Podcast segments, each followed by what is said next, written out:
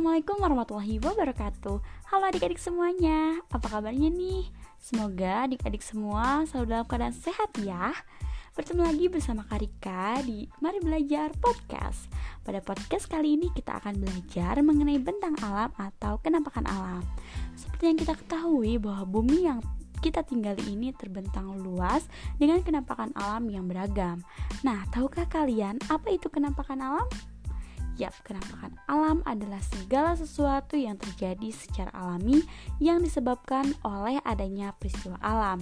Nah, peristiwa alam itulah yang membuat permukaan bumi ini memiliki kenampakan alam yang beragam. Nah, secara garis besar, kenampakan alam dibagi menjadi dua nih adik-adik, yaitu kenampakan alam daratan seperti gunung, pegunungan, perbukitan, dan lain sebagainya. Dan juga ada kenampakan alam perairan seperti laut, pantai, teluk, dan masih banyak lagi. Nah, pada podcast kali ini ada tiga subbahasan yang akan kita pelajari, yaitu pantai, dataran tinggi, dan dataran rendah. Yang pertama ada pantai.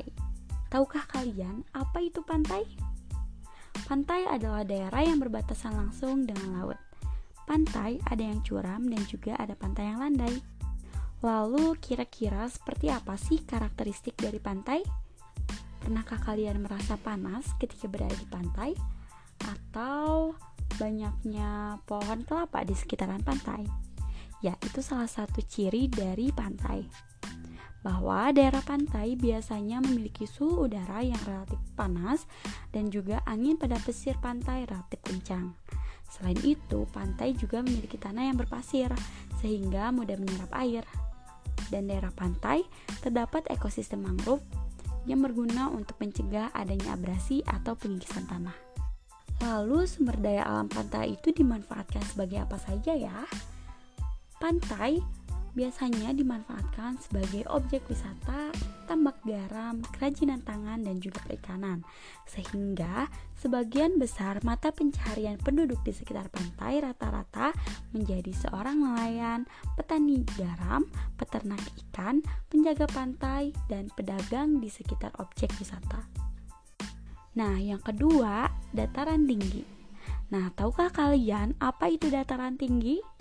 Dataran tinggi adalah permukaan bumi yang ketinggiannya sekitar 500 meter di atas permukaan laut dan merupakan dataran yang sangat luas yang terletak di daerah tinggi atau pegunungan. Lalu seperti apa ya karakteristik dari dataran tinggi? Pernahkah kalian berjalan-jalan ke gunung dan merasakan ternyata hawa di pegunungan jauh lebih sejuk dibanding perkotaan? Atau terdapat banyak pepohonan di sekitarnya yang sangat rindang. Yaitu adalah salah satu karakteristik dari dataran tinggi. Relief dataran dengan banyak gunung dan juga perbukitan, sehingga pertaniannya dibuat terasering. Kemudian, dataran tinggi juga memiliki udara yang sangat sejuk sehingga cocok untuk dijadikan sebagai objek wisata. Serta memiliki tanah yang subur sehingga sangat cocok untuk dijadikan perkebunan dan pertanian. Selain itu, dataran tinggi juga memiliki udara yang kering dibandingkan wilayah lain. Nah, sumber daya alam di dataran tinggi itu biasanya dimanfaatkan sebagai objek wisata, sumber mata air, perkebunan, dan pertanian. Sehingga mata pencaharian penduduk di sekitarnya rata-rata menjadi seorang petani, peternak, pedagang, pekerja perke perkebunan, pemandu wisata, dan juga pedagang di sekitar objek wisata. Yang ketiga ada dataran rendah. Kira-kira apa ya dataran rendah? Dataran rendah adalah permukaan bumi yang datar dengan ketinggian kurang dari 200 meter di atas permukaan laut. Nah, biasanya dataran rendah itu berupa daerah-daerah perkotaan atau pemukiman padat di sekitar perkotaan. Nah, bagaimana ya ciri-ciri dari dataran rendah? Pada umumnya, dataran rendah berada di sekitar pesisir pantai atau pedalaman. Dataran rendah juga paling banyak digunakan sebagai pemukiman penduduk. Selain itu, tekanan udara di dataran rendah lebih tinggi daripada daerah pegunungan, sehingga jadi jauh lebih panas dibandingkan pegunungan. dan juga dataran rendah terjadi akibat adanya proses sedimentasi. Nah, adapun sumber daya alam dataran rendah ini banyak dimanfaatkan sebagai lahan pertanian, industri, dan juga pemukiman.